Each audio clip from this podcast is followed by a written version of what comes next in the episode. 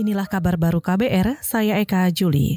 Gubernur Jawa Barat Ridwan Kamil berharap pada pemerintahan Presiden Joko Widodo dan Wakil Presiden Ma'ruf Amin dilakukan pemekaran wilayah tingkat kabupaten kota. Ridwan mengakui sedikitnya 27 wilayah di Jawa Barat kurang terurus oleh pemerintah daerah karena wilayahnya terlalu luas dan penduduknya yang padat. Jabar itu sebenarnya ada dua permintaannya kalau boleh daerah tingkat duanya dimekarkan. Penduduknya terlalu banyak, hampir 50 juta, kurang keurus secara daerah yang cuma 27. Jawa Timur aja penduduk 40, daerahnya 38. Gubernur Jawa Barat Ridwan Kamil juga mengaku tidak heran kalau akhir-akhir ini ada sejumlah wilayah yang ingin mandiri atau lepas dari Provinsi Jawa Barat, seperti Bekasi dan Bogor. Ridwan Kamil juga berharap Presiden Joko Widodo dan Wakil Presiden Ma'ruf Amin bisa mengakomodir ide pemekaran wilayah tersebut. Saudara, Presiden Joko Widodo diimbau terus melakukan penguatan reformasi birokrasi. Pesan itu disampaikan Gubernur Jawa Tengah Ganjar Pranowo menanggapi pelantikan Jokowi sebagai presiden untuk kedua kalinya. Ganjar juga mengatakan pemerintah daerah selalu siap bersinergi dengan kementerian dan lembaga negara untuk memperkuat reformasi birokrasi. Reform total seluruh perizinan.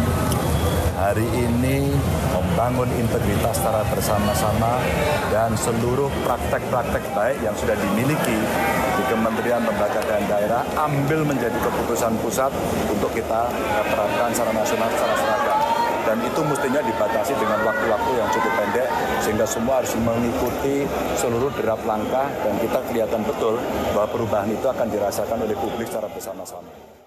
Gubernur Jawa Tengah Ganjar Pranowo juga menambahkan tantangan ke depan yang dihadapi pemerintahan Joko Widodo dan Ma'ruf Amin tidak akan mudah. Karena itu, Ganjar berharap keduanya bisa menjalankan roda pemerintahan secara baik dan responsif.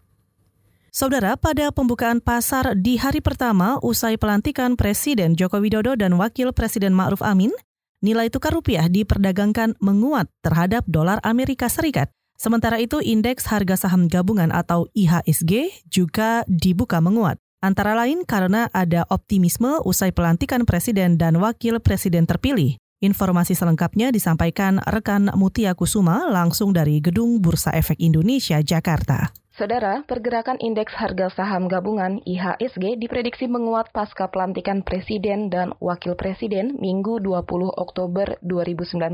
Hal ini juga tampak pada pergerakan IHSG yang dibuka naik 0,26 persen atau 15,94 poin di level 6.207,89 pada perdagangan pagi ini. Pelantikan Presiden menjadi salah satu sentimen positif pendukung kenaikan IHSG awal pekan depan. Jadi, momentum koreksi wajar masih dapat dimanfaatkan oleh investor untuk melakukan akumulasi pembelian dengan target jangka menengah hingga panjang. Senada dengan IHSG pukul 8 pagi ini nilai tukar rupiah di pasar spot juga terpantau dibuka menguat, yaitu 20 poin atau 0,14 persen di level 14.128 rupiah per dolar Amerika Serikat. Di sisi lain, lain, indeks dolar berbalik ke zona hijau dan naik tipis 0,05 persen atau 0,048 poin ke level 97,330. Rupiah pada sepanjang pekan ini diprediksi bergerak di kisaran 14.050 rupiah per dolar Amerika Serikat hingga 14.200 rupiah per dolar Amerika Serikat. Demikian dari Gedung Bursa Efek Indonesia, Mutia Kusuma untuk KBR. Saudara demikian kabar baru, saya Eka Juli.